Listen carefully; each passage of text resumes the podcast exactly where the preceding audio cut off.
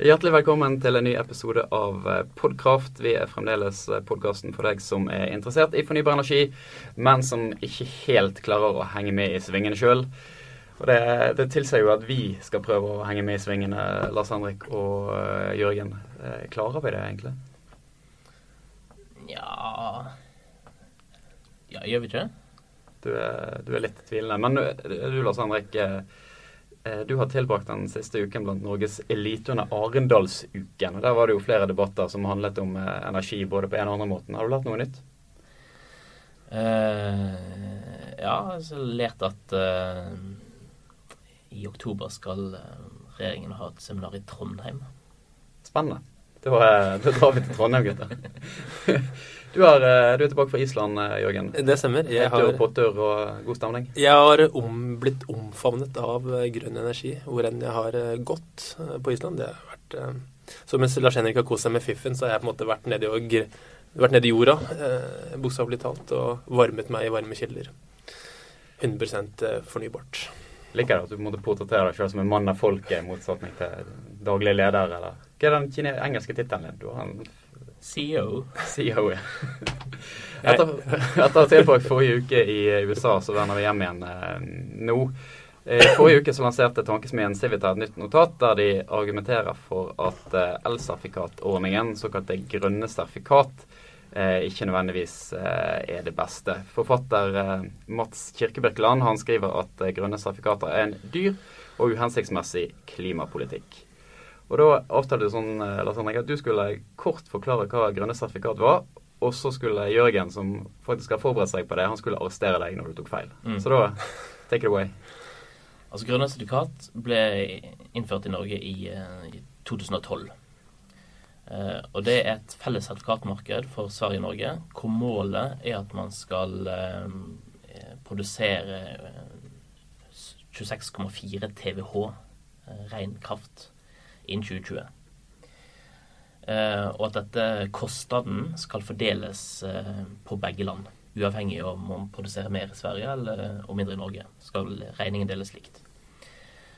Og så fungerer det sånn at de som da produserer strømmen, de får en, eh, en ekstra en måte, inntekt per megawatt-time som de produserer, som tilbyderne da er forplikta til å kjøpe en viss mengde av.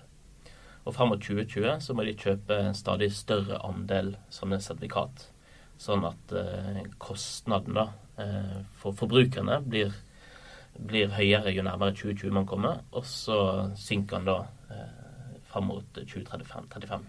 For denne sertifikatprisen som eh, produsentene får, den, eh, den er de garantert i 15 år. Basert på eh, markedsprisen for sertifikatene i 2014 så oppgir NVE at man kan forvente at norske strømkunder må betale mellom 1,7 til 2,1 øre per kilowatt. Det høres jo ikke så veldig mye ut. Det, da, i, i notatet så regnes det vel fram til at det koster 1,2 milliarder kroner i året. Fordelt på norske strømkunder. Ja, det er like masse som flybussen fra Arendal inn til Kjevik den koster 250 kroner, så det er ca. det vi betaler da i uh, sertifikatutgifter per, per husstand. Var det en fin busstur? Det tok, tok, lang tid. Ja. Men, men, har, har Civita og, og forfatter Kirke Birkeland et poeng når han sier at det er en dyr og uhensiktsmessig klimapolitikk? For han, han, mener jo det at fornybar energiutbygging i Norge som i utgangspunktet har en veldig høy andel, ikke nødvendigvis er effektiv klimapolitikk. Altså når, når, jeg leste rapporten, så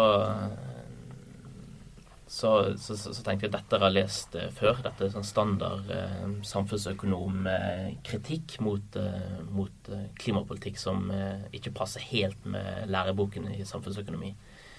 Og jeg er sikker på at han ville òg vært imot subsidiering av solkraftutbygging i, i, Tyskland når det ble innført, fordi det ville vært billigere måte å redusere klimagassutslipp. Eh, så jeg, og så tenker jeg at for en del år tilbake, altså når debatten grønne sertifikat var, så hadde du òg en helt annen kraftsituasjon i Norge. Så I veldig mange år så var det spørsmål skal man montere mobile gasskraftverk for å fikse kraftkrisen. Eh, skal du ha gasskraftverk i, i, Norge? Det var jo på en måte en, eh, mange år. Og nå har du fått en økt produksjon som gjør at situasjonen er annerledes. Men der og da så, så, mener jeg, så, mener jeg, at det var riktig. Men om man skal fortsette med dette i 2020, det, det tror, jeg, tror, jeg, ikke. Hvis du ser på det er to debatter da, som, man, som, går litt inn i hverandre. Det ene er miljødebatten og hvilke tiltak som er fornuftig eh, å, å, gjøre. Da er det altså, eh, i, i, et, i, et, strømmarked. Det andre er eh, strømbehovet eller kraftbehovet, som også Lars Henrik var inne på. Og da er det flere måter eh, å gjøre, løse det på også. Men generelt så har det to to måter eh, å løse opp et marked som ikke fungerer som det skal. Det enten er å eh, Altså hvor det på en måte har noe feil, eh, eksternaliteter, som det også heter. Det er å subsidiere eh, det, eller, eller, eller, skattlegge straffe, eller eh, og, eller begrense, altså ødelegge markedet helt, og si at det er tak for produksjon. Da. Så, eh, problemet det siste, med tak på produksjon, er at da får eh, de som Det er en lite hensiktsmessig måte å gjøre det på. For at de som har er flinkest til å produsere, er ikke nødvendigvis de som produserer mest osv. Så, videre, så får du, får litt sånne problematikker. Med subsidier så vil, vil jo gjøre det at det, eh, du treffer de som trenger subsidiene for få i gang, så du kan få i gang grønn, grønn produksjon. Tyskland er et godt eksempel. så at det, Samfunnsøkonomisk teori er jo ikke imot subsidier, men i dette eksempelet her med grønne sertifikater, eller eh, miljøspørsmål, så er det et, sånn, et ganske klart vedtatt prinsipp om at forurenser skal betale. Og her er det litt motsatt med grønne sertifikater. Og, det, og den kritikken den tror jeg de fleste er enige om at den, har noe, eh, den eh, får noe eh, Eller med den subsidien så får det noen konsekvenser som kan være uheldige. At du presser ned Eh, i et lukket marked, eh, ta det eksempelet først, da, så vil du da presse ned eh, kraftprisen for at du subsidierer produksjon. Du får mer produksjon. Det er ikke sikkert at en annen produksjon legges ned. Og da vil du få mer produksjon og, og lavere strømpriser. Det kan jo gjøre at de som eh, produserer minst miljøvennlig, eh, også eh, nyter godt av den lave prisen, fordi at de straffes da relativt sett mindre. Så du løser kanskje ikke miljøproblemet per se, for at du presser ikke de ut av produksjonen. Hvis det er det som er formålet, og du skal ha lyst til å erstatte miljøfiendtlig produksjon med miljøvennlig produksjon, så er kanskje ikke grønne subsidier det beste eh, virkemidlet alene. Så du ville heller snudd rundt på, på, Ja, men så opplever jeg at man gjør jo det også, ikke sant. Men, uh, men det jo, For det er jo en viktig ting, da. Altså, man har jo f.eks. eksempel CO2-prising i Europa. Mm. Sant? Og det er jo ofte det som kjerneargumentet. Man sier at man heller får en global pris, eller får en pris på CO2. Men det er jo på en måte bare det ene tingen. da. For det andre er jo at det må være høy nok mm. til at den eh, skaper den atferdsendringen som man ønsker seg. Uh, og det er jo ikke sikkert at uh, man, man, man, klarer å oppnå. Men, men de grønne sertifikatene, det, altså jeg vil si at det, konseptet det er jo en ganske fin ting. For at du De som produserer miljøvennlig, de får en, en, et sertifikat eller en som er omsettbar i et marked, eh, fordi du har pålagt noen å kjøpe. Så du har pålagt egentlig en produksjonsnivå, da.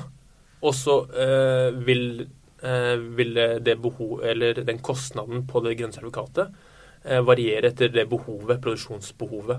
Så du har et tak du ønsker å produsere, så det er på en måte du får en omsettbar kvote. Du har det beste av to verdener egentlig i en sånn fordelings- og nivåspørsmål. Så, så poenget da er at hadde det vært løst på den andre måten Du hadde hatt en omsettbar kvote i Sverige eh, på, på CO2-produksjon, eh, hvor de som eh, produserer mest miljøvennlig, eh, kan selge disse til de som produserer minst miljøvennlig. Eller motsatt, for, å straffe de som produserer minst miljøvennlig. Så tror jeg det hadde vært en bedre måte å sette på Uh, sett, på, sett på det å fremme, eller fortrenge, uh, miljøfiendtlig kraftproduksjon Og fremme. Men det er jo politisk lettere å innføre en gulrot enn, uh, enn, enn, enn, å, piske de som gjør ting uh, som ikke man ønsker. Men har man på en måte fått en situasjon der den gulroten uh, ødelegger litt av hensikten her? For nå ser man jo en, altså en konsekvens av elsertifikatordningen som, som bl.a. Energi Norge har fremhevet når, når, man valgte å utvide det med to nye terawatt eh, tidligere i, i, år, er jo at eh, man har ikke behov for mer kraft. Og man ser at pga. Eh, si, overskuddskraft så synker prisene. Og man hadde jo den situasjonen rett før ferien der Statkraft eh, først sa nei til nye vindinvesteringer i, i, Trøndelag fordi det ikke var lønnsomhet der. Og så var det noe, sikkert noen som snakket sammen på et eller annet eh, nivå, og så har man delvis snudd og skal i hvert fall eh, bygge ut eh, noe av, av den kapasiteten allikevel. Kan man ikke da si at ordningen har begynt å virke mot sin hensikt hvis prisene ikke gjør det Altså det er ikke lønnsomt til tross for, for denne sertifikatordningen? Jeg, jeg, jeg syns det er et veldig godt eksempel på den uheldige bieffekten av dette subsidiet også. For det presser ned prisen såpass mye at det av, eller fortjenesten på, eh, på lønnsomme eh, prosjekter på fornybar må da være eh, Eller du må ha en høyere margin på de grønne sertifikatene igjen da, for, for, å gjøre det lønnsomt igjen. Det, det, blir, det blir sånn avhengighetsdannelse av de grønne sertifikatene, istedenfor å straffe de som produserer. Eh. Men, men så, så, tenker jeg jo da altså at uh, kraftsektoren, altså det, det, nordiske og på en måte hele samfunnet skal, eh, skal, skal, kutte utslipp. Og elektrifisering basert på ren kraft er jo på en måte en av virkemidlene. Og det som er bra nå, det er at Energi Norge nå involverer seg i å få elektrifisert uh, fergesektoren i, i Norge. Altså Nå har man plutselig fått såpass kraft at man begynner å se på hvordan kan man bruke den kraften. Og det tenker jeg det er jo kjempebra klima, eh, for klimaet. Og så eh, er det et mål om at det europeiske kraftmarkedet skal bli enda mer integrert. Man får noen nye kabler til utlandet som gjør også at mer av kraften vår kan gå, eh, kan gå ut. Og så får vi òg selvfølgelig mer kraft eh, inn til landet. Vi vet at kjernekraft skal fases ut i Sverige. I Finland så Eh, kjemper, de, kjemper kjernekraftinteressene mot høye kostnadene. Så klart at her er det òg masse kapasitet som tas ut av markedet om, eh, om, noen år. Så jeg tror at jeg skjønner at de som lever av å selge kraft, er kritiske til at uh, kraftprisen blir veldig lav. Men for samfunnet så tror jeg ikke vi står oppe i en krisesituasjon. Nei, det tror ikke jeg heller på noen måte. Jeg tror også for øyeblikket i hvert fall, eh, lav kraftpris eh, for Norge. Det er et konkurransefortrinn for kraftkrevende industri også. Så det er jo også positivt, uavhengig av hva de produserer. Jeg ser også, bare for å um, kaste oss veldig langt vest til Island igjen, så vet jeg nå at det er jo ekstreme lave kraftpriser der også. Det er jo også eh, fordi at de har, de har, ikke et marked hvor de kan eksportere ut kraften sin eh, så lett. Eh, og det diskuterer de også med å ta en del del av det eh, markedet. Motforestillingen er jo det at de mister da den konkurranseevnen. Det er å ha lave kraftpriser. Så, det, så da vil man kanskje få industrien på nakken igjen også. At man, eh, at man ved et integrert eh, ved et integrert kraftmarked. Men jeg tror det som trumfer høyest, det er jo selvfølgelig miljøperspektivet. Og det å få et, et, integrert marked hvor man da kan løse, løse miljøutfordringer på, det er en veldig viktig, eh, viktig målsetting. Men da tror jeg ikke eh, subsidie eh, er det det som eh, er neste steg da. Da er det heller skatt på ikke-fornybar eh, kraftproduksjon. Så det var høy nok. For, ja, riktig. Men dilemmaet dilemma ofte med å tenke sånn hva, hva det mest samfunnsøkonomiske virkemidlet Det er ofte at du, du glemmer innovasjonsaspektet. Hvis du alltid skal gå til det billigste tiltaket, eh, så fremmer du ikke nødvendigvis innovasjon. Av og til, ta f.eks. sol. Hvis du skulle sagt at nå skal vi eh, fremme liksom, fornybar energi, så ville ikke sol vært konkurransedyktig når man begynte å eh, installere solceller eh, på tyske hustak midt på 2000-tallet. Men når du gikk inn og støtta det, så fikk du opp en produksjon, kostnadene gikk ned, og så blir det konkurransedyktig. Så av og til så må man politisk gå inn og støtte teknologier for at det skal eh, kunne bli konkurransedyktig i fremtiden. Det, det, er jeg helt, helt enig i, men jeg oppfatter ikke at grønne sertifikater støtter eh, innovasjon.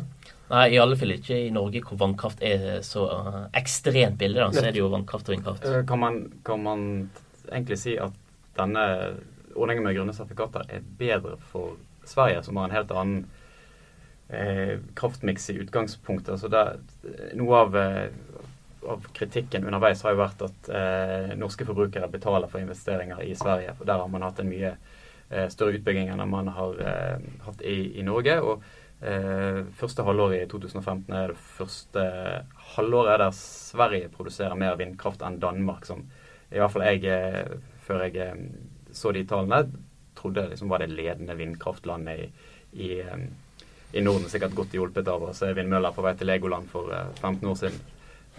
Men, men så er det en ordning som er god for Sverige, men ikke nødvendigvis for Norge. Altså Sverige innførte jo grønne sertifikat i 2003, mener jeg, mener jeg husker. Så når Norge fikk altså en del, ble en del av sertifikatmarkedet i 2012, mm. så var jo debatten egentlig om vi skulle joine Sverige.